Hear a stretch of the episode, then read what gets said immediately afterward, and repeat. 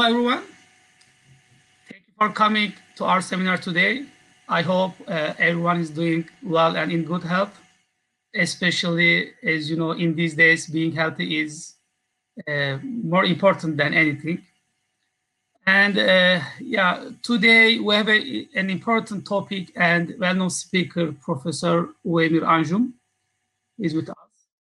Uh, also, we have more than usual moderators to navigate the seminar and uh, make conversations with our speaker.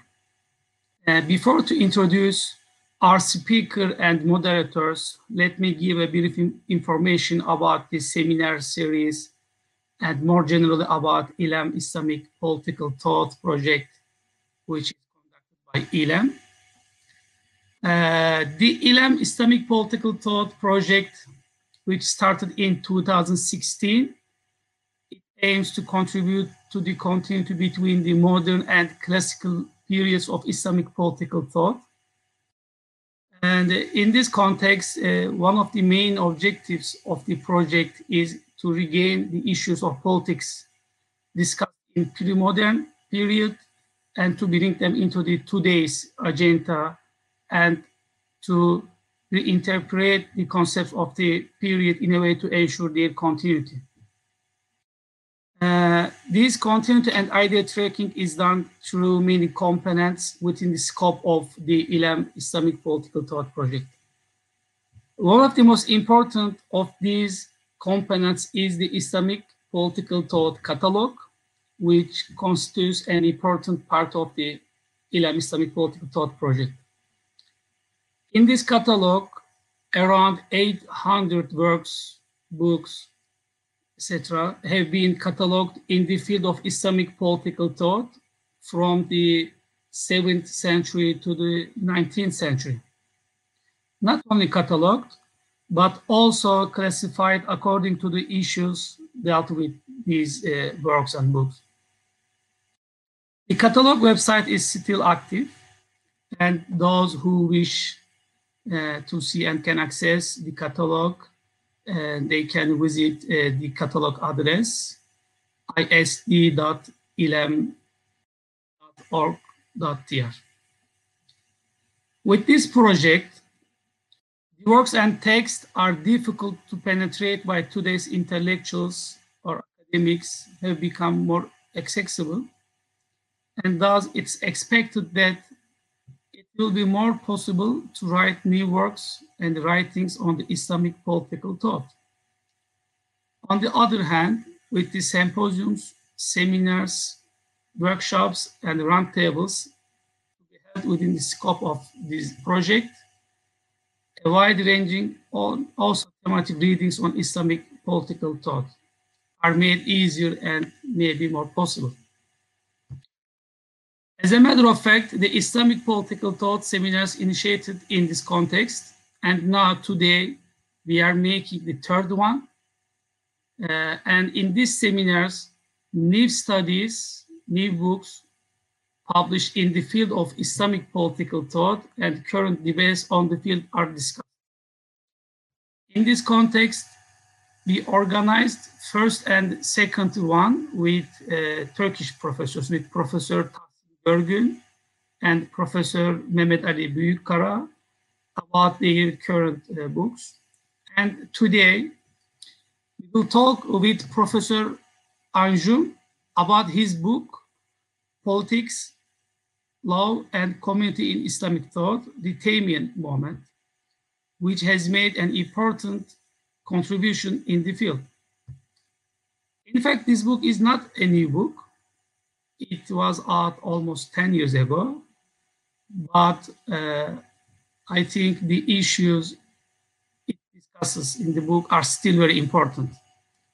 Apart from that, there is a special reason why today we are talking about this book, that uh, the Turkish edition of the book was published uh, a few weeks ago. You can see the book. And the book met with Turkish readers. I hope the book will find an important response for Turkish reader as well as in, in US and some other. Okay, uh, now uh, let's come to our speaker and moderator. Uh, please allow me to introduce uh, them with, with, a few words, short videos. Firstly, our moderators, uh, Ibadur Rahman. Uh, he is from US, New York. Uh, Ibadur Rahman is uh, completing his PhD in the Department of Religion at Columbia University. Studied for four years at Zaytuna Institute in California and earned a bachelor degree at New York University. And our uh, second moderator is Ahmet Çelik. Ahmet Çelik is a PhD candidate in the Department of Religion at Syracuse University. His research interest in general includes comparative political thought, Islamic political and legal theory, political philosophies of Plato and Aristotle, early modern and modern political philosophy. His research sits at the intersection of politics and law as it examines the concept of sovereignty and constitutionalism in Islamic governance. Moreover, his project aims to explore and understand how sovereign power is defined, identified, justified, and limited within the context of Islamic political thought. His master thesis was the analysis of the 16th century Ottoman legal political thought and some practice of government. Studying on manuscripts for a while enabled him to advance in Ottoman Turkish and Arabic. And our third moderator, Ammar Işık, Ammar uh, Kılıç, is, sorry, Ammar Kılıç. Ammar Kılıç is research assistant at Tekirdağ Namık Kemal University and doing his PhD at Koç University. His interests are concentrated around sociology of religion with a focus on Islamism, political ecology of food and agriculture, and forced migration and refugees. And me, uh, I'm the one of the moderator as well. Uh, I am Ahmet Köroğlu. Uh, I am working at Istanbul University as an assistant professor at political science department. And, and in general, I am working on modern Islamic political thought, Middle East. And now our respected speaker, Professor Ovamir Anjum. Uh, let me introduce himself uh, shortly. Uh, Ovamir Anjum obtained his PhD in Islamic intellectual history in the Department of History, University of Wisconsin Madison, and Masters in Social Science from the University of Chicago, and Masters in Computer Science from University of Wisconsin. Ovamir Anjum is now the chair of Islamic Studies at the Department of Philosophy and Religious Studies, University of Toledo, his work focused on nexus of theology, ethics, politics, and law in classical and medieval Islam, with comparative interest in Western thought. His interests are united by a common theoretical focus on epistemology or views of intellect, reason in various domains of Islamic thought, remaining from politics, siyasa, law, fiqh, theology, kalam, falsafa, Islamic philosophy, and spirituality, Sufism, mysticism. And uh, all welcome again. And uh, I'll give the microphone to Professor Ovamir Anjum. Uh, I just uh, give a short notice. At the end of the conversations, we have a Q&A session at the end of the program. Uh, you can write down your questions or comments on YouTube uh, chat box, and uh, I will ask at the end of the program to Professor Ovamir Anjum, inshallah. Uh, welcome, uh, Professor Ovamir Anjum. Please. Assalamu alaikum wa rahmatullahi wa barakatuh. Um, it's an absolute pleasure for me to be invited and um, and for my book to be translated uh, into Turkish is a great honor for me. Um, and there is not a better group of readers that I would want um, for my book to be received uh, um, and understood and, and commented on critically. Um, and uh, to have uh, uh, three young and amazing scholars, each of whom um, uh, I am excited that they would take their time to to talk about my book, and I'm especially grateful to um, Ammar Kılıç for translating my book. So that's thank you very much. Um, I uh, I know what it takes to translate and what uh, what kind of commitment it is. So I am humbled that somebody would do that. Um, what I plan to do here is to give a very short um, introduction to how I thought about my uh, book and also to uh, particularly to how it relates to uh, contemporary political, uh, contemporary Turkish thought uh, and the role, of course, that the, the, increasingly important role that Turkish intellectuals, scholars, um, and Turkish people at large are playing in the Muslim world. Um, so the book, Politics, Law, and Community in Islamic Thought, the Taymiyyan Moment, the second part of the title, of course, uh, focuses the book on the personality of Ibn Taymiyyah, um, who a, was an, an extremely important uh, figure in Islamic intellectual history.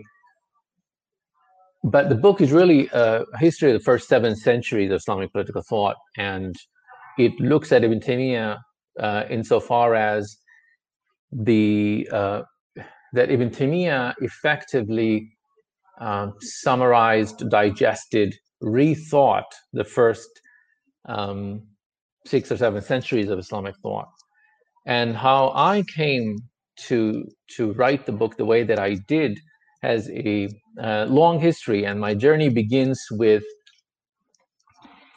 um, uh, my attempt to think about Islamic political thought through much more traditional uh, classical works.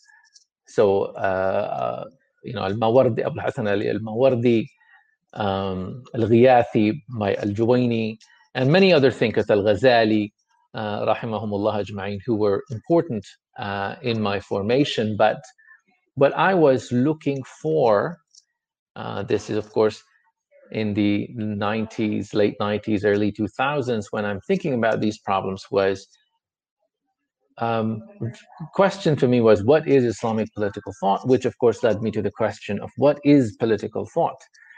Um, translation, of course, is a problem that we, you know, something that we take for granted. But when people talk about politics, we mean very different things. And uh, often when we talk about the political, political thought, political ideas, political institutions, um, what is meant by it is something um, dangerous or negative where it's power struggles that are involved. And so you know there's poli- uh, you know as as in english people would say there's too much politics in the office or at work which means that's not a good thing because people are competing for power just for pure interest. And i thought that this was a very odd thing because uh, looked at in a very in a different way islam um, if you look at the history, the rise, emergence of Islam, particularly if you look at it comparatively to, say, Christianity, Judaism, any other religion of which we know, uh, Islam is the most political religion because it uh, starts with a triumph, with a political triumph. The Prophet Muhammad والسلام, um, was a political leader. And this is something that the ulama took for granted, right? Muslim scholars always took for granted that the Prophet was a role model in every respect, including in how he led, how he negotiated. Once you look carefully at his life, you realize that much of what he did was in fact politics. He was much more of a political leader than he was a jurist. And how is it that by medieval period, um, Islam is law, but no longer politics? How is it the case that the representatives of Islam, the ulama, are much more likely to be praised for running away from politics. They're uh, they're not likely to be warriors and administrators and leaders and and managers and you know, they're more likely to be professors who are poring over legal books. Um, and so to me, the question was, A, how to understand this phenomenon, this transformation of Islam from, you could say, a political religion to a legal religion. Um, a second question was, uh, of course, well, how did it happen? But also, what is gained and what is lost when something like this happens. Um, so that got me thinking also about what is political thought. Um, and you find, for instance, the classical treatments of Islamic political thought. Uh, they are written in, you know, they're written in this precise period where Muslim scholars are no longer political leaders. They are, in fact, jurists and professors uh, like Al-Mawardi or Al-Ghazali or Al-Juwayni, people who are have stipends, they work at universities or whatnot. Um, and the way they write about politics is very formalistic. It almost sounds unreal. That's not how politics works. So I remember reading uh, Al-Ahkam al-Sultaniya the classic great work of Al-Mawardi, which I now appreciate a lot more because I could I try to understand the light in which it was written. But at that time, I found it uh, rather odd that when uh, the caliphs, for example, disagree uh, when there is more than one candidates, he suggests in one place that they should be they should draw a lottery to see who should be the who should the caliph be. And I thought that nowhere in the world is political decision made by lottery because there are always armies involved there are interests involved and some people people are pushing to to uh, gain access to power and in order for there to be a lottery there needs to be either uh, you know the decision uh, uh there has to be an institution that allows that uh, um, that kind of decision to be made so that's not the real decision that's not where the real decision is being made. The real power lies with the institutions that can um, affirm the results of that kind of lottery, because lottery itself is um, it couldn't be why why how people choose uh, leaders. Um, so I set out, if you will, in the in Islamic political thought, looking at um, both Islamic, uh, you know, uh, traditional classical works of Islam, but also at um, in this search for what it means um, for power to be exercised in different ways. And um, there I studied Western thought, Greek thought, Aristotle, Plato, and so on. And one of the things that I found is very interesting is that uh, this idea of political that has been around in this uh, in this civilization, uh, both Greek and by extension Greek and and and Abrahamic traditions that have uh, that form both the essence of Islamic civilization, right? This conflict or conversation between Greek and Islamic civilization, Greek and and and um, Israelite traditions, the Abrahamic tradition on the one hand, and the Greek on the other. But also these same two trends, in fact, feed uh, what we know as Western civilizations. In some ways, there is actually deep similarity between Islamic and Western civilizations, although over time Islamic civilization, civilization came to see itself as an Eastern civilization. But it is much more similar to the West than, in fact, any other civilizations in the civilization in the East. So um, I I study the history and political thought uh, in the West as well, looking at how those conversations translate or they don't. And so the, it was a search for the political, political outside of the manuals uh, of Khilafah, of the Caliphate, of you know standard handbooks on how the Caliph is to be chosen. Where is Islamic politics to be found? And that's where I uh, I found the comparative theoretical approach very useful, and I argue in the book that, in fact, it is um, um, in how we understand reason, in how we understand community, in how we understand agency, Right? These three crucial concepts, that is where politics is found. So it's not what, what gets labeled as politics, but rather it is the question of how we use reason. Do we trust that people can make uh, discussion and come to a decision um, about how which way their community is going to go? Um, and it is those concepts.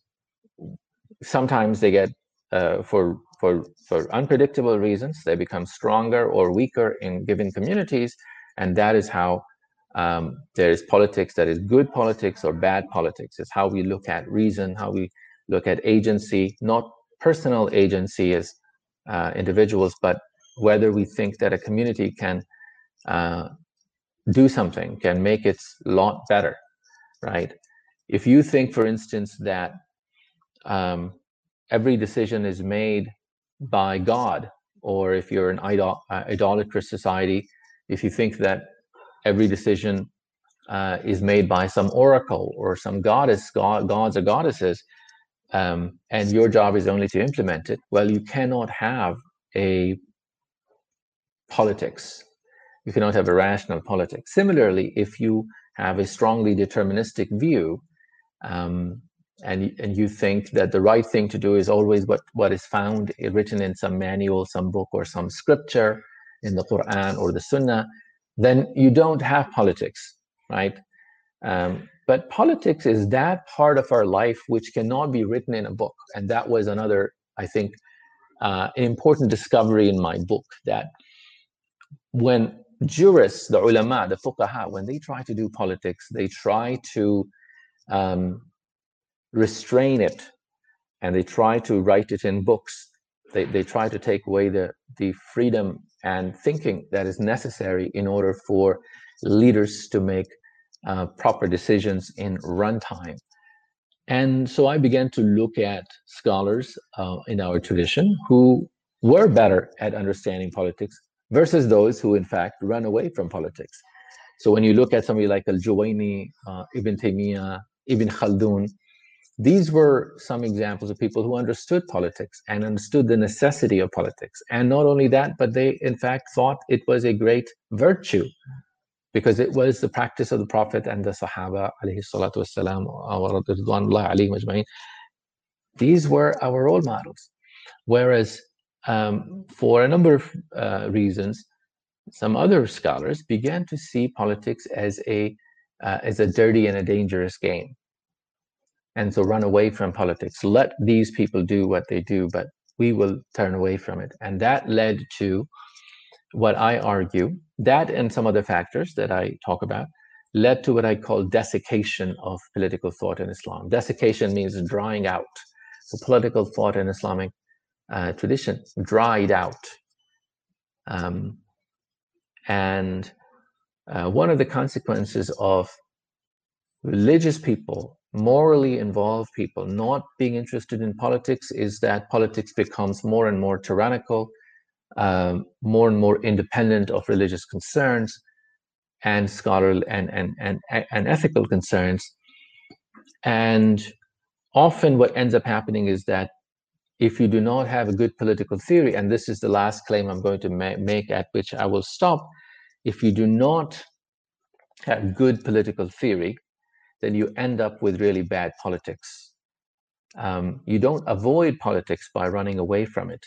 The only way to avoid bad politics is to engage in good political theorization because political theory's job is to restrain people, to show them the vision of what is good for everyone so that people will restrain their uh, worst, worst impulses. Um, and so that is again, what I found to be uh, an exciting uh, journey into Islamic tradition, a new way of looking at it. And I and there I found once I understood and unboxed politics and political ideas this way, I found these discussions everywhere. So you can find them in theological treatises, uh, in you can find that in some legal discussions. You find politics in juridical discussions about courts and how and how much power should all these have, and so on and so forth. And so that's where uh, those are some of the concerns that this book came out of. So all I'll say for now. the floor is yours. Thank you very much again for having me. Thank you so much, Professor Anjum, for your presentation. And now uh, we'll continue with uh, questions. Uh, before uh, to make the questions, uh, I want to remind again, if you on listeners, if you have any questions or comments, please use the YouTube chat box section. Uh, you can write down your questions, and I will ask at the end of the presentation to uh, Professor Ovamir Anjum. Okay. I'll just move my computer questions. a little bit if that's okay. Go ahead.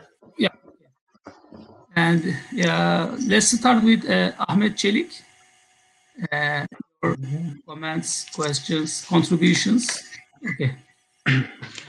Uh, thank you very much, Dr. Anjum, for uh, writing such a actually fascinating book and for very uh, short but uh, uh, great uh, introduction. Just I I would like to start with a general question.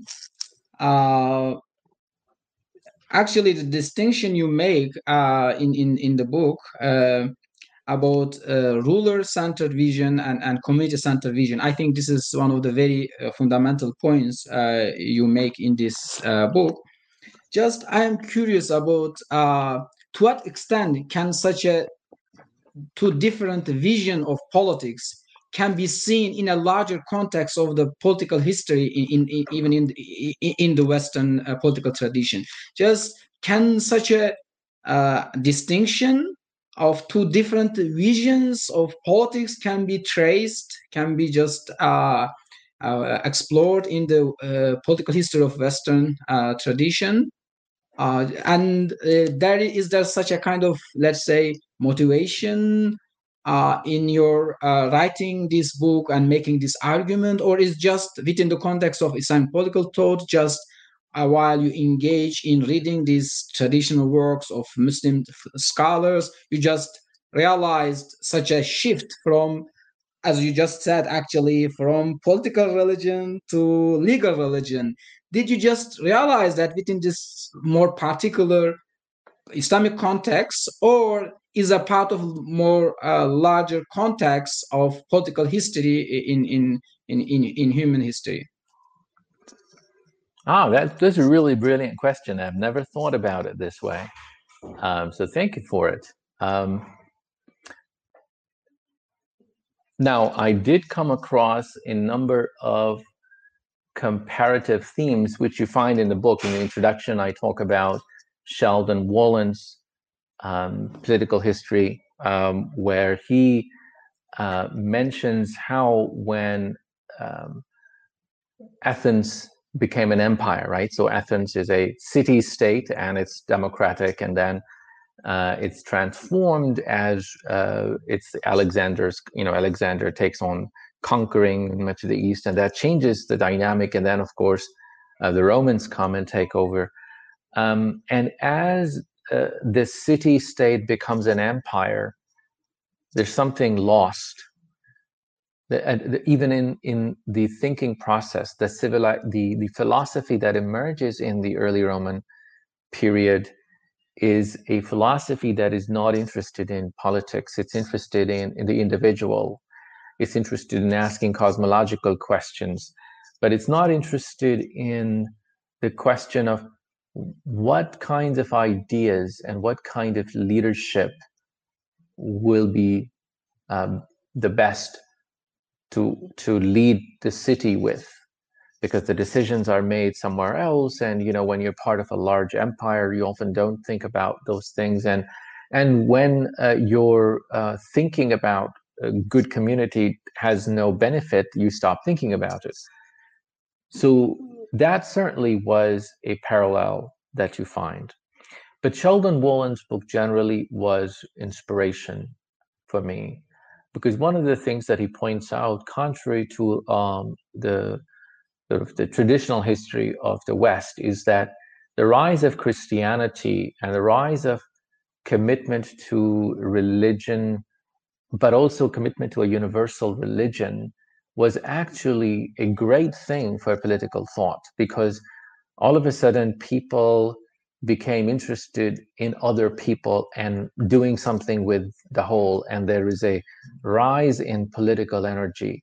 In other words what politics meant is some somehow for people to care about the rest and to think of them as worthy of engagement now of course you may be as a muslim or a christian you may be engaging them because you want to save them uh, or because you think of them as your brothers and sisters. Um, and then you have something that you have in mind that you want to do. So anyway, the point is that rather than you know this idea of the pagan Greeks were better better philosophers, better thinkers, better political actors because they were pagan, and you know, and then religion comes and mono, and and uh, along with religion, you have all you have is uh, monotheism and sort of uh, a single notion of truth and this old vision of history right? He allows to think past that. And when you start thinking about that you know that makes sense very much in islamic context as well. When you have when you go from medina to damascus right? I'm talking about rashidun to uh, the umayyad period there is a transformation that takes place although that's not quite the same transformation but there is obviously uh, there is a uh, transformation in the way that people are going to think about politics, people are going to think about their own agency and, and so on. Uh, similarly, when you move to Baghdad from, from Damascus, things once again change. So there is certain there there are certain parallels, but in terms of community-centered versus um, ruler-centered visions, that in particular has a strong history in um, uh, throughout Western thought, in particular medieval uh, medieval Christianity, parallel at the same time as Islam, as um, uh, as you may know, there are some very interesting things going on in late um, uh, in late medieval period, right? So 9th, 10th, 11th, 12th centuries in in uh, in Europe, and one of the transformations that is taking place is a new kind of political thought is emerging that um, some Western historians call ascending political thought rather than descending political thought, right? The idea being that political order descends top down, but a new kind of thought is emerging uh, in the early uh, in early modern Europe, which is what is called ascending political thought, which is that it is what people believe and what people do and how how authority is constructed politically from ground up, that becomes important.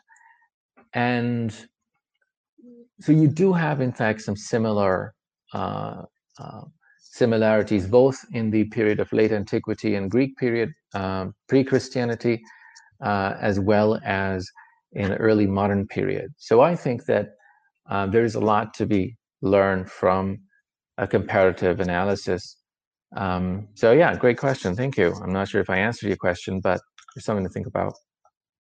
Uh, thank you, thank you for your answer. Actually, I I have another question related to these points. If I may go with that, Ahmed. Okay. Just go Just, ahead. Yeah. Okay, thank you. Just uh, is a kind of challenge, a, a, little bit challenging your actually uh, argument you just made. Uh, it seems actually I used the Hannah Arendt's article here uh, on what is authority, and she make a, she also makes a distinction between power and authority. Power is about the the the, the force uh, and the, the mechanism of uh, uh, more uh, material force uh, one can use to subordinate others.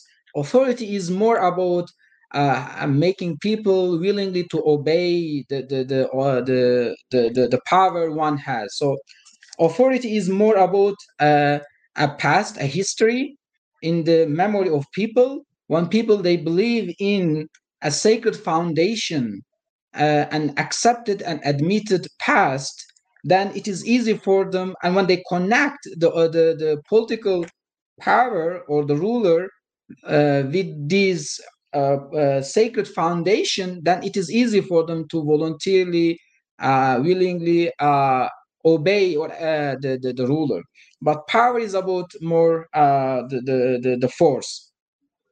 And then she says that in ancient greek uh, uh, in ancient greece there was no actually the concept of the authority because there was democracy and they were living in the city state and uh, all what they need is pers- persuasion they need to persuade each other. But when it moves from as just you mentioned from city state to the empire then those rulers those emperors they need to find a legitimacy a justification in their leadership a very large land. And that's why they invented uh, the concept of authority by connecting their rulership and the way they rule this large land with the, the past with the ancestors with the with the sacred foundation. And this is how the first time according to hannah arendt the, the, the concept of authority emerges. And here authority for her is the the very core of the politics.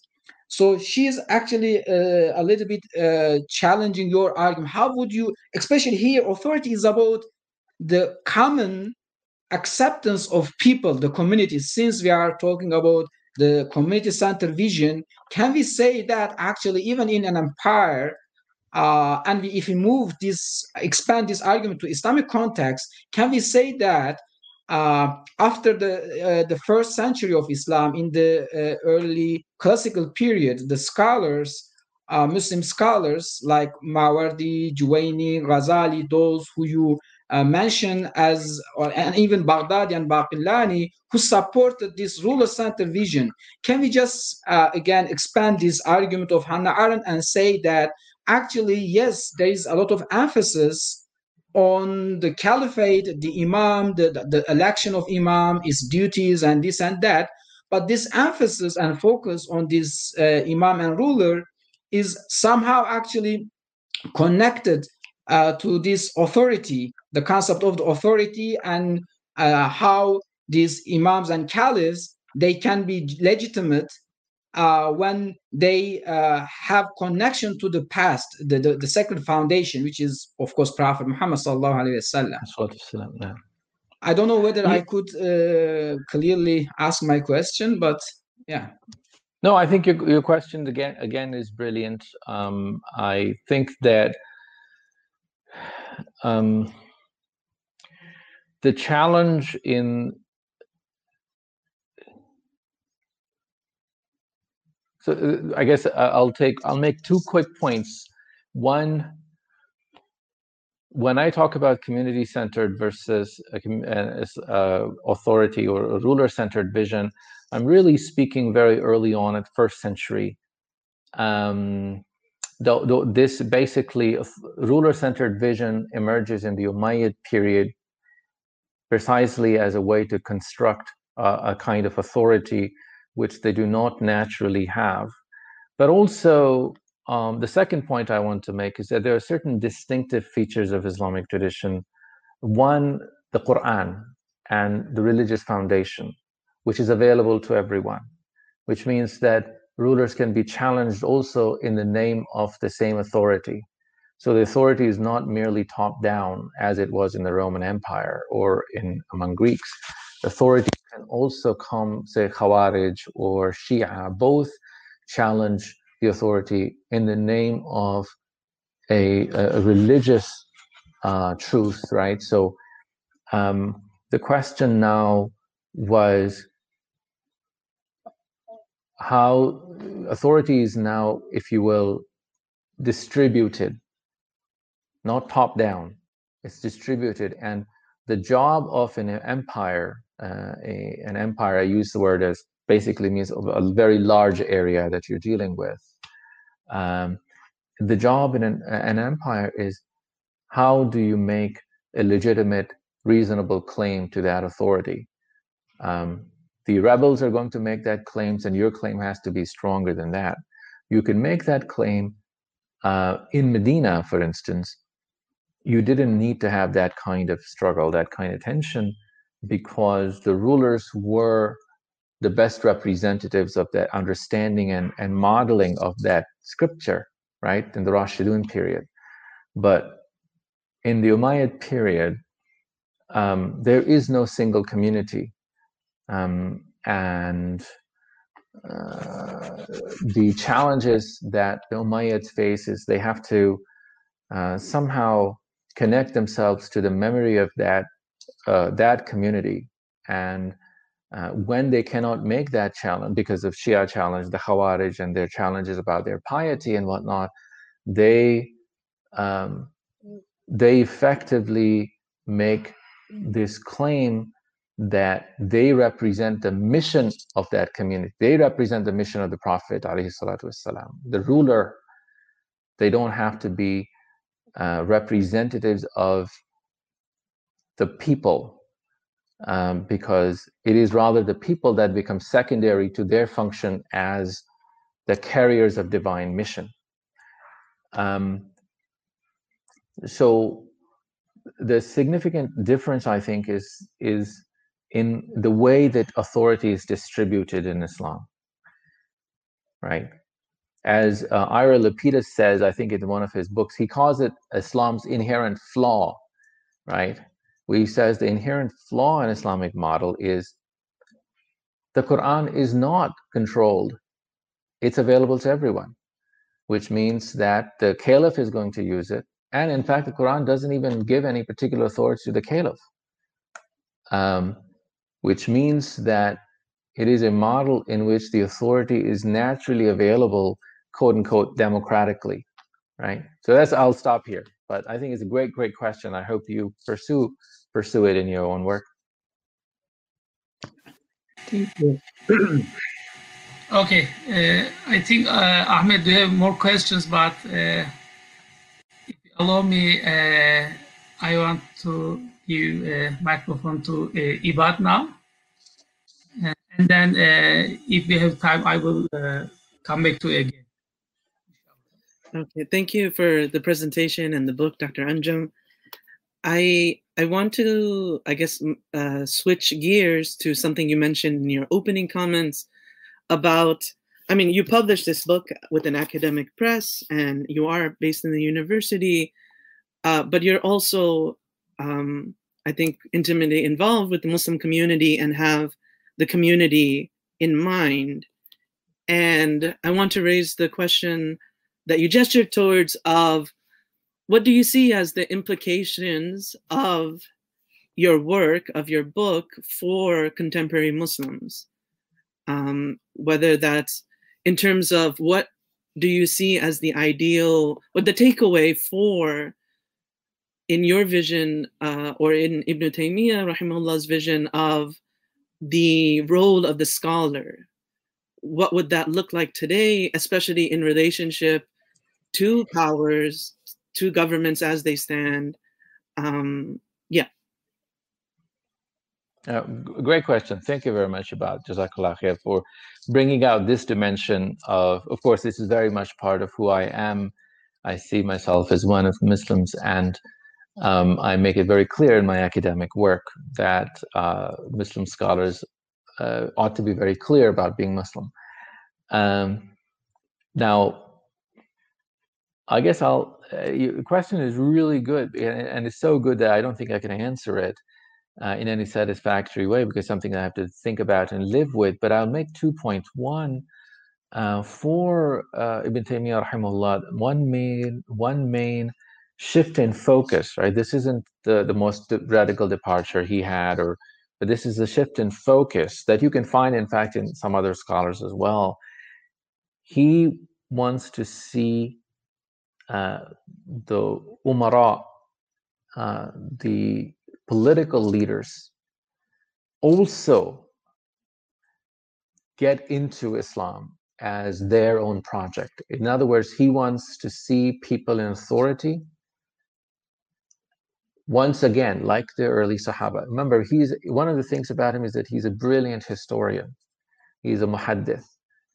And unlike Imam al-Ghazali and al-Juwayni and many other people who are writing he knows history extremely well.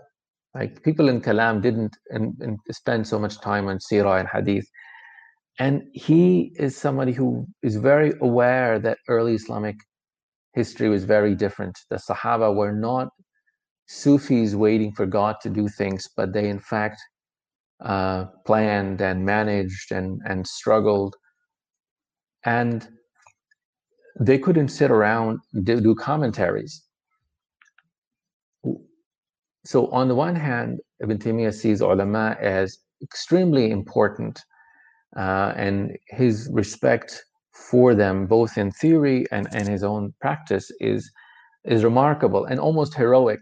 You know, there is a famous incident when uh, some ulama persecute him, almost have him one have him killed, and once he gets the upper hand after a coup, this ruler wants to punish the ulama, and uh, and Ibn Taymiyyah effectively publicly dissociates himself from that act, and he says, "You have no right to punish the ulama.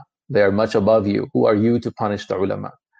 Even though these are the ulama who wanted to have him killed, so he held them in a very high place. He did not think that it is the authority of the the political ruler to punish them for their opinions, for their fatwa. In fact, uh, there's a very interesting case when he is being uh, interrogated, right? He went through many of those. And um, the ruler asks him and says, Do not give fatwa on this issue. And, and he effectively says, That's not ruler's right to tell me what I can give fatwa about, right? As an alim, that's my authority. So uh, he sees limits certainly on the authority. Um, but at the same time, he wants um, the people, ordinary people, and the umara to own Islam, not to see themselves as what Wael Hallaq famously calls, right? That they're the they're merely like the butlers of the house. They're just simply executing the punishments that the ulama tell them to execute. But they don't own it. And he is offering them a deal where he's saying, You effectively are among the people, you are Imam Adil, with the Prophet says, will be in in the in the in the shade of of of of, of God's throne. Um, and this is part of what Islam is. Good politics is just as important as good scholarship. Um, so that's one thing that he's uh, emphatic about, and that's what I certainly argue that Muslims who are engaged in what we call activists, and I don't like that term because I think that that denigrates the work of advocating for Islam or for Muslims. I think we, we should call them leaders. They're leaders of Islam and they should think of themselves this way and so there is of course the, there is that one um, the other thing that i argue which is more theoretically involved is i uh, argue and this was something that Yossi Rapoport, you may be familiar with, right, who is a historian uh, in Britain and, and, and, really good Mamluk historian. He read my book and he got that point. I think not many people did. And he basically said in his review that this is a very compelling, and he said something one of the best cases for democracy in Islam. And I think that people don't, nobody almost read that book, read the book that way. But in fact, what I'm trying to argue is that the ummah, the community, uh, in fact, is almost necessary for there to be legitimate rulers in Islam. The Khalifa in early theory was somebody that was who was chosen directly by the people, and that was later um, compromised over time. But the, the the ideal theory always remained that the only way you can be a legitimate Khalifa is if the people chose you. Um, and this also comes out in Ibn Taymiyyah's doctrine of Shura. Right? He places Shura in a much higher place um, because he doesn't believe in the Greco Persian theory of the ruler as the higher mind, as the philosopher, prophet, king. He, in fact, thinks that the ruler is just one among Muslims. And as such, he is in need of shura. one one critique that one also should make of medieval scholars in general and Ibn Taymiyyah including is that there isn't much institutional development of how this is going to happen, right? And you can argue that's because that wasn't their focus, that wasn't their interest, there wasn't time for it, but there is a vacuum there. Thank, thank you for that. I want to zero in on then going back to the question of the role of ulama today with the way that with the state of the affairs of the world and governments you mentioned how i mean one response is to run away from politics to say that it's so dirty it's corrupt i'm going to supposedly isolate myself and clean my hands uh, free my hands of any involvement with this dirty business. But i think i heard you argue that precisely the people with moral concerns you're arguing must not should not do that because then ethics and morality are left out for the people who are engaged in the business of politics. So then i would think like then the role of ulama must be and we have precedent in this of and even in the example of ibn taymiyyah rahimahullah but of other scholars as well of giving nasiha, right? Of because there's a higher standard than the ruler, that they're ultimately in a God conscious uh, framework. Um, everyone has to stand before God. And so there should be a higher level of accountability than merely bowing down to what this temporal power wants, right? Um, right. Yeah. I guess I, am just asking if, if you would expand on what the practical implications of this theory uh, would look like for Muslims today, whether in where you and I are based out of, or in other in, in a minority context or in a Muslim majority context. So I think that if I were to draw out the implications, which are not very clear in my book, they're only indirect, but there is a lot more that mashallah you young scholars need to write about right and and better um, uh, than what i did. But um, my view is that you know there is a whole tradition that says uh, the ulama should run away from politics uh, there are many hadith about that nearly every single one of them is fabricated or weak but uh, this was, uh, and sometimes people criticize scholars for being too close to rulers.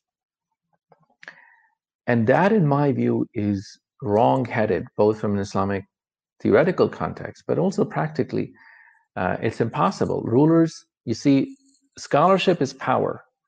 Political power is always seeking authority and authority is always seeking power. They naturally are going to unite, either in a good way or in a bad way. The people with the guns are always going to try to control the people with the books.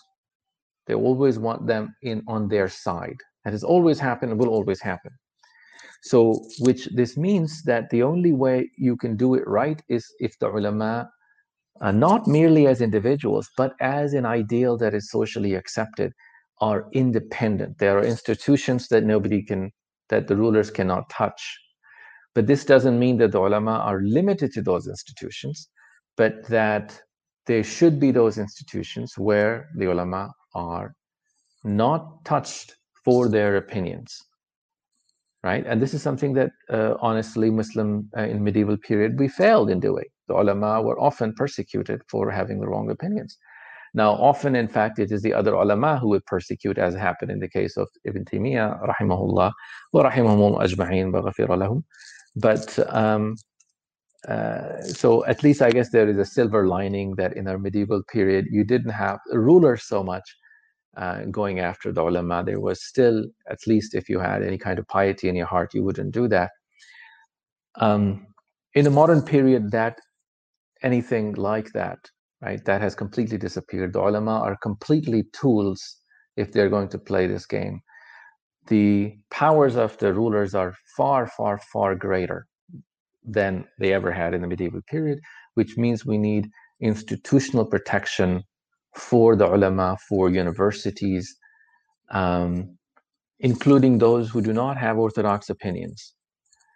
And right, the blasphemy and that kind of thing is completely different thing. But for hope, holding respectful opinions with, with, with which you know you may disagree from all Ahl Sunnah or whatever, but so long as you're arguing respectfully, there should be protection. Otherwise, we will not see uh, the rise of uh, Islam and any kind of reform that we're talking about. There are political conditions that are necessary. So I think that that's another uh, lesson that I find in, in, in my reading of Islamic political thought, that we really need independence. Another uh, thing that I might uh, mention, which will may, may ruffle some Ottoman feathers, but the Mamluk period saw one of the most productive, most interesting, original periods of scholarship. Uh, those couple centuries, particularly that one century, the 14th century uh, of Common Era, there were more books written there than than perhaps in any other period before, and even any period after. And the work that's written is original, and still for nearly all schools of thought, that period is where your authoritative books were written. Ottoman period wasn't like that.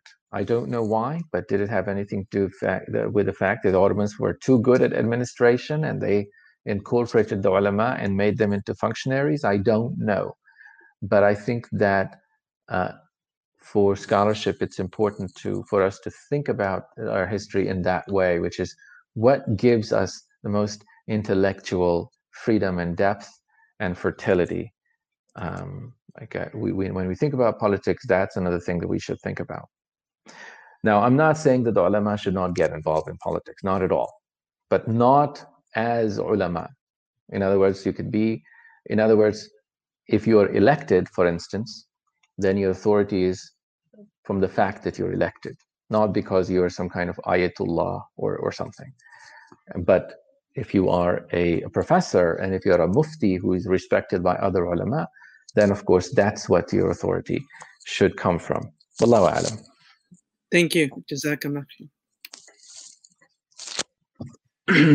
uh, actually, I have many questions uh, since uh, your book is very a good source uh, for me while I am uh, now working on my proposal and my dissertation topic, which is uh, mostly focusing on classical period of Muslim thinkers and their engagement with politics. Uh, so, and that's why most of my questions are uh, about uh, actually this uh, uh, pre-Taymian uh, period or medieval classical period. So, just and these are my own questions. I, I when I read your book, I was also asking these questions.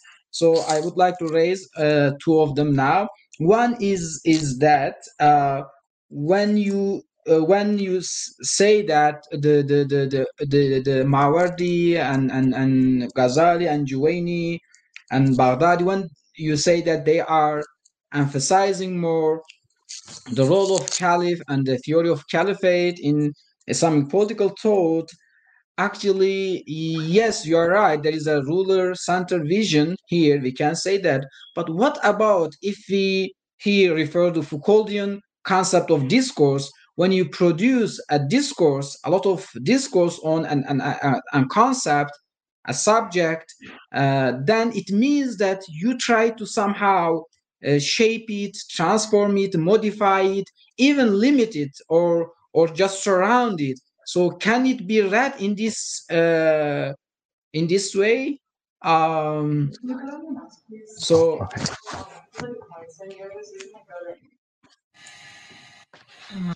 I think we need uh, wait a while, yeah. Mm -hmm. I have two questions. Actually, I have many questions, but I can just raise two related questions uh, which is connected to each other, and then we can maybe pass to Ammar if he's okay with that. Okay, after you maybe uh, our translator, Ammar Kılıç. Yeah. Uh, maybe I- Yeah, I have other Questions but if there is a time, then I can I can ask them later on if you have time. And then do we have questions on YouTube or elsewhere? I think, you know, there is mm, no questions for now. Okay. Professor Anjum, You're Minute, okay? are you okay? Yeah. Yeah, just give me one minute. I'll be back. in I a minute. mean,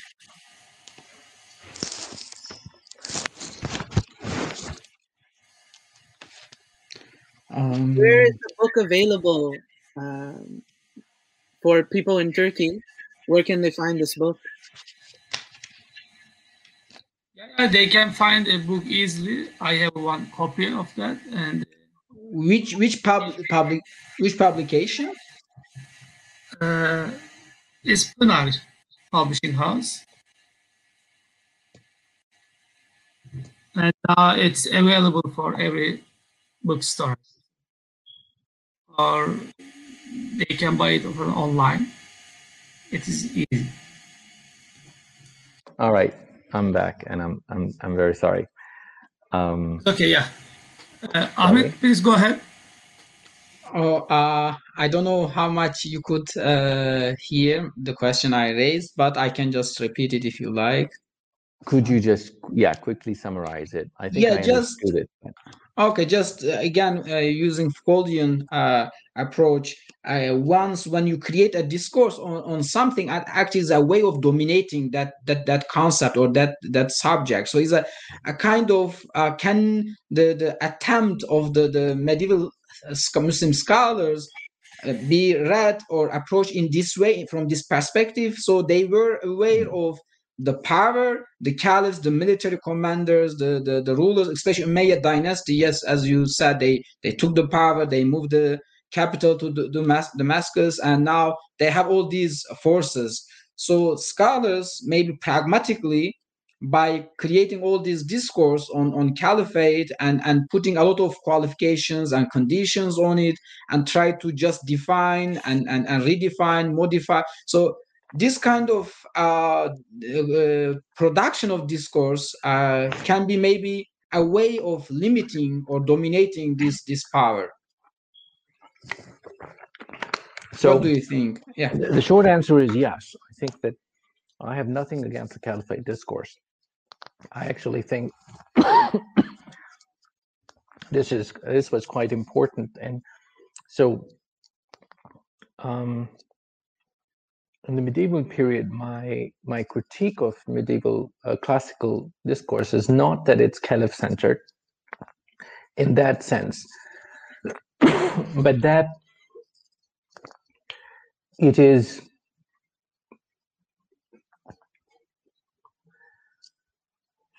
it is no longer political meaning it's no longer dealing with uh, where actual power comes from right? So it is aspirational. It wants to restore the caliphate but um, it is no longer dealing with the actual sources of power who are the sultans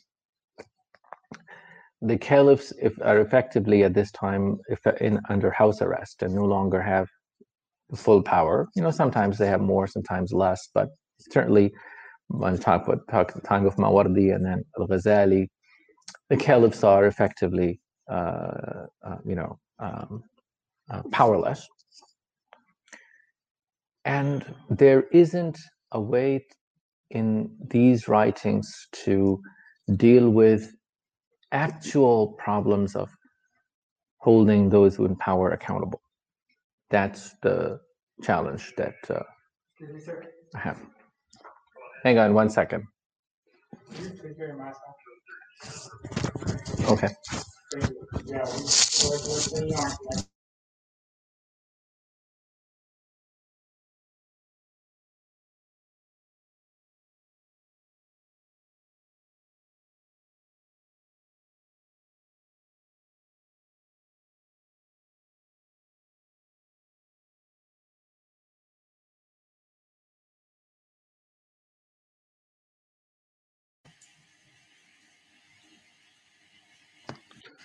Uh, I think you need to wait uh, more for uh, Professor Anjum.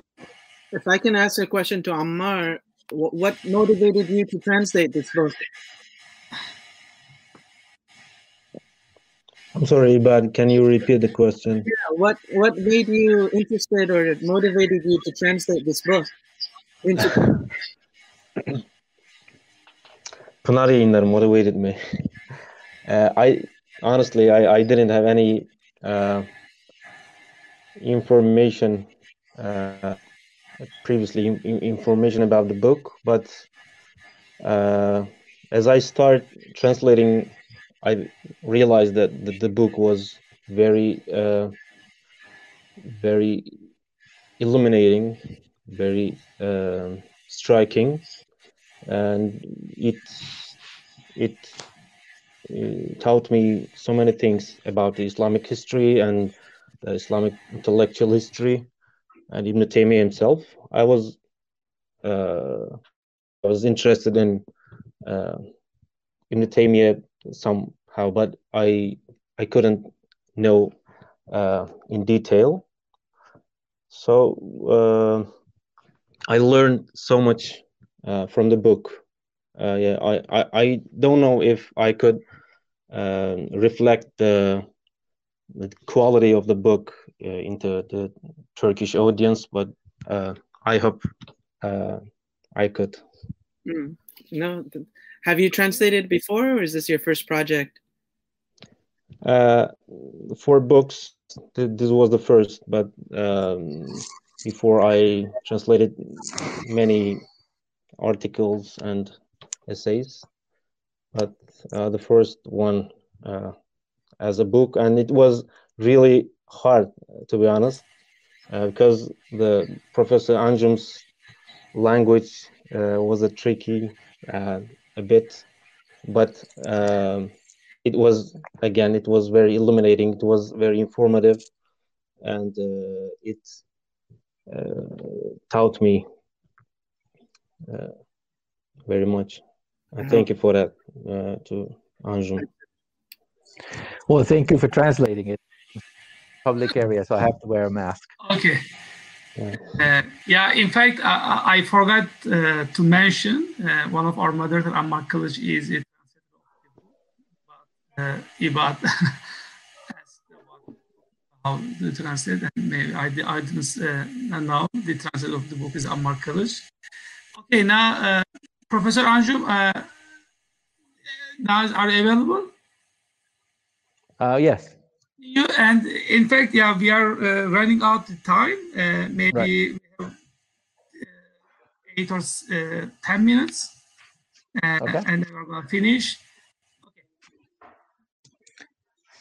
Uh, do uh actually professor anjum do you have something to say just i don't know how much you were planning to say about the the the the the, the, the point you were talking about Uh, right. So let me finish. I guess I, I think that the the question um, in the classical period becomes one of adjustment. In other words, you have a different world, right? You have you move from um, the uh, you have the early scriptural world, like the Medinan period, um, and that's where, if you will, the the ideals of an egalitarian community are founded, and then you have the emergence of um, an empire, and then um, you have this transformation of the empire where the empire no longer is a um, it's no longer a central empire, but rather you have fragmentation of power. And so the question basically at this time is what kind of political imagination would have put things back together? And uh, that required in my view, and that's somewhat of a speculative enterprise, that required rethinking um, where the political responsibility of the community lies now, and how could you re uh, reintegrate the community, and how could you uh, hold those who were actually in power accountable by some Islamic standards. Um, the solution, well, I guess there were two main solutions. Uh, a solution that one could say that was presented by Al-Mawardi and Al-Ghazali, and the other by Al-Juwayni and Ibn Taymiyyah. Juwayni and Ibn Taymiyyah's solution was to deal with those who are actually in power, whereas Al-Ghazali and Mawardi's solution was symbolic, that caliphate should continue as a ritual. We're not going to deal with actual power, but rather we're going to say that yes, uh, we're, we're living in a world which is illegitimate, right? Al Ghazali, uh, Imam Al Ghazali uses this metaphor, uh, this analogy of living in these times and dealing with these sultans is like eating, uh, you know, like eating pork. You can only do it eating carrion, maita. You can only do it because um, the good food, which is the Khalifa, who is pious and righteous and is mujtahid and all of these requirements. Because you can't have that, you have to deal with these people. But what is the mechanism to get good food back on the table? There isn't a plan for that, right? And good political thought, in my view, required not only an exception that yes, you don't have good food available, the meat is haram, but also how we're going to procure it. How are we going to get to a point where there could be um, uh, there could be a legitimate legitimate power again, and uh, that is the the kind of critique that I could make at this time. In, the, in other words, medieval periods problems are different from what we find in the early period.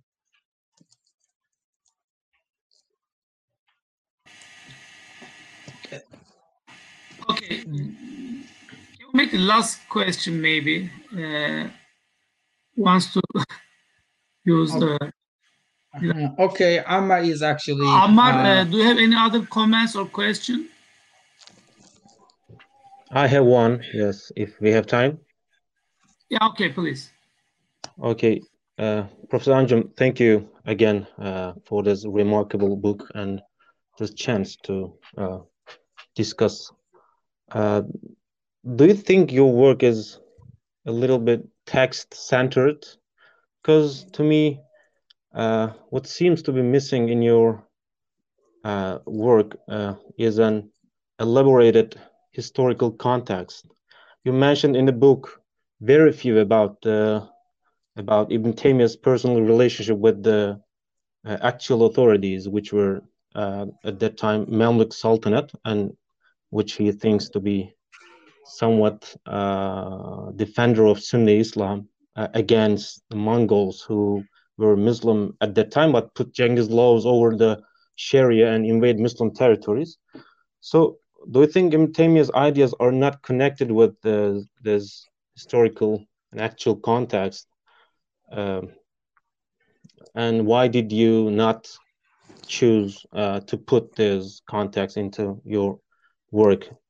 Do you think uh, it is not uh, explicating uh, or maybe can it can it be more explicating for uh, thoughts? Do you agree? Uh, so it's a great great question. I think that you're right. I think your critique is uh, is is valid to a degree. It depends on what I was trying to do, and of course the limits of a book. Um, but I think that a my book is not a comprehensive treatment of Ibn Taymiyyah's political thought. My book rather is a uh, really it's an exploration of the concept of the political in which Ibn Taymiyyah contributes. So there's a lot more that could be said about uh, his political thought, and I think that that book hasn't been written yet. Um, and that book would totally require what you're talking about a deep engagement with his relations with Mamluk authorities and his, in fact, even relations with the Mongols and how he, in fact, tried to understand them. Um, and also other things that I don't mention in the book, but it just just mentions, for instance, his relationship with the ulama of his period and how he thought. All of those things I think are need to be addressed. It's just that what I am doing in what I'm trying to do in the book is carry a few threads of conversation for those seven centuries rather than looking at this is why often I um, I in fact uh, uh, introduce my book by saying this is not a book about Ibn Taymiyyah but most people because of the name they think it's Taymiyyah uh, right? It's about Ibn Taymiyyah but actually the title that I take is from a, a an, an important book in, in European intellectual history called The Machiavellian Moment, written by uh, J.G.A. Pocock, which is not about Machiavelli. It's about a moment when politics was understood in early modern period in a radically new way, um, because Machiavelli effectively uh, became he he he came to represent a transformation from the pre-modern to modern political uh, thought in Europe. And I actually, you know, neglected to explain that in my book of why I titled it the way I did. But, but nonetheless, that's the reason why I don't focus on as much on Ibn Taymiyyah. Uh, only, I mean, I, I fo focus on it on, on, him only insofar as necessary to um, to explain how he critiqued the, um, those seven centuries. And the way I under, you know I present it is that effectively Ibn Taymiyyah critiques the the last three centuries um, before his time using the examples of the first three centuries. And so that's a um, but he's involved in this big dialogue of how this uh, the notions of community and authority and and law have changed over time.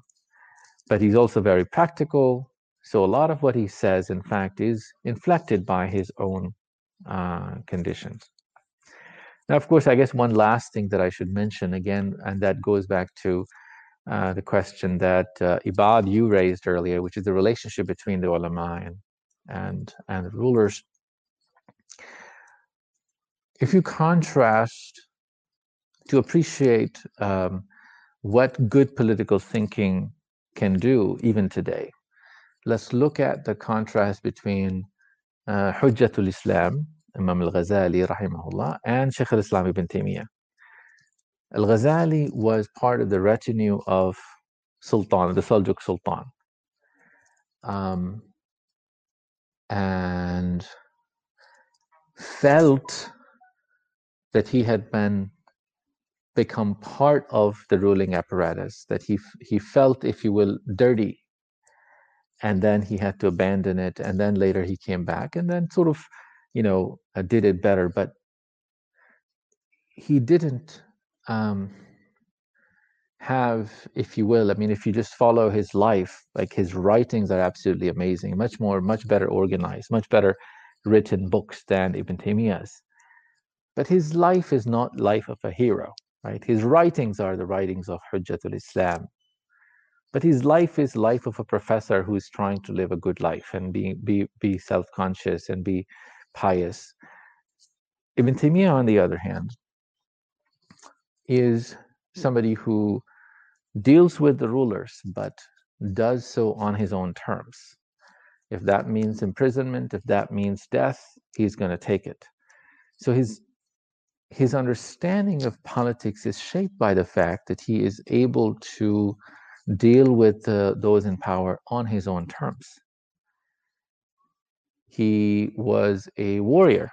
Um, he, in fact, almost single handedly persuaded the Syrians to go to war against the Mongols rather than um, um, giving in or running away in 699 uh, in that famous um, uh, when, uh, famous attack when Ghazan attacked Damascus. And of course, you can't say that that's just because politics, that's just because it's, but there is something important about their attitude toward the world. And on this question, I think is important. Al Ghazali died in the year 1111, 12 years after Jerusalem was taken by the Crusaders. But there is not a single word about Crusaders in any of uh, Imam Ghazali's writings. He is concerned with the Fatimids, he's concerned with the Batiniya, but nothing about the Crusaders at all. And they had taken four big Muslim cities and they were taking more, they were expanding.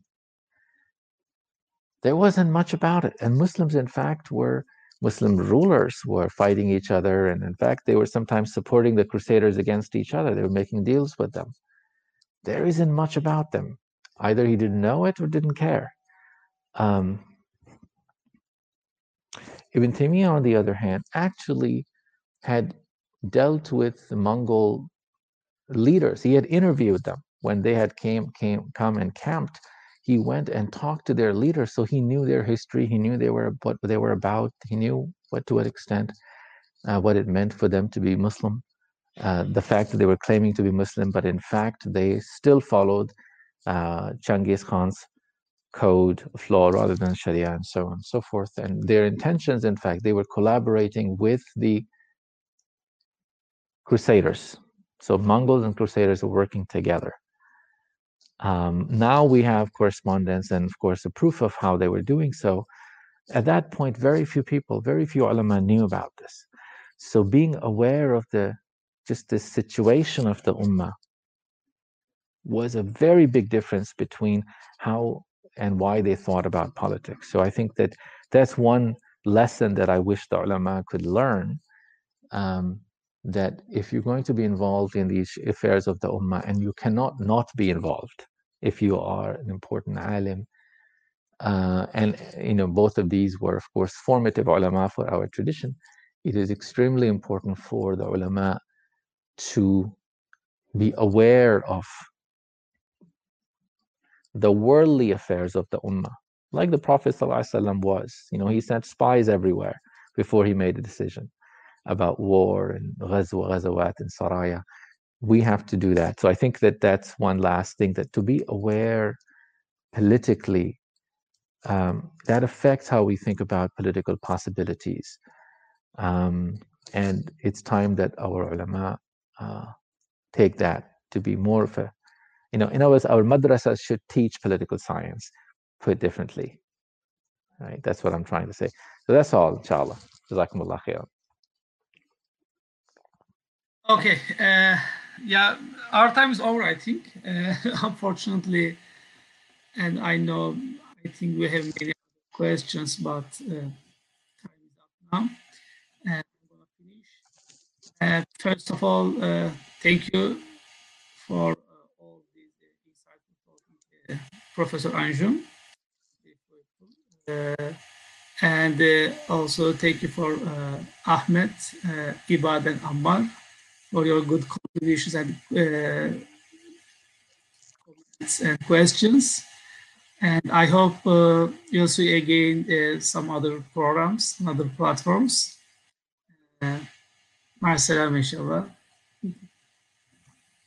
Alaikum salam wa rahmatullah. Thank you very much for your brilliant questions. I hope this is recorded because I want to watch again. I think all of your questions were really amazing. I should think more about them. Yeah, this is live and you can watch on YouTube yeah, after. Excellent. Lovely. Thank you very much. And, and my, my love to all my Turkish brothers and sisters. Yeah. Thank you. Thank you. Thank you. Thank you too. See you. Bye bye.